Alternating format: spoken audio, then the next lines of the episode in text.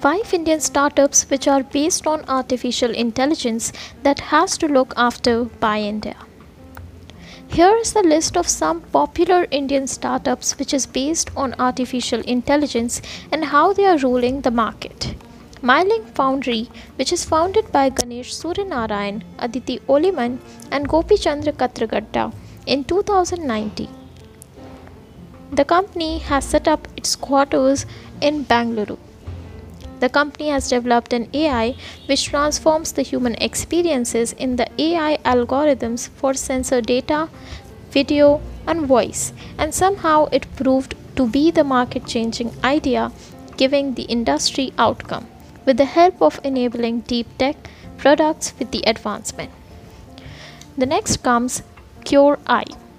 Qure.ai is founded by Prashant Warier and Pooja Rao in the year 2016 and the company has its headquarters in Mumbai. The third is Indian AI Startup. This company is leading with its AI system in the healthcare sector. Yes, we are talking about Ziptrax CleanTech.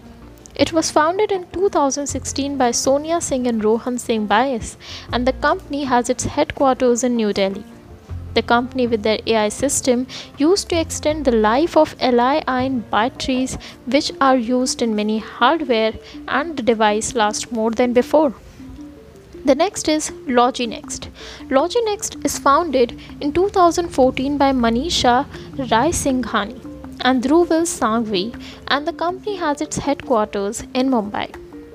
This company has developed an AI which works on logistics and it is well known for leading transportation and automation startups and offer data analytics, asset tracking services along with warehouse management to their clients.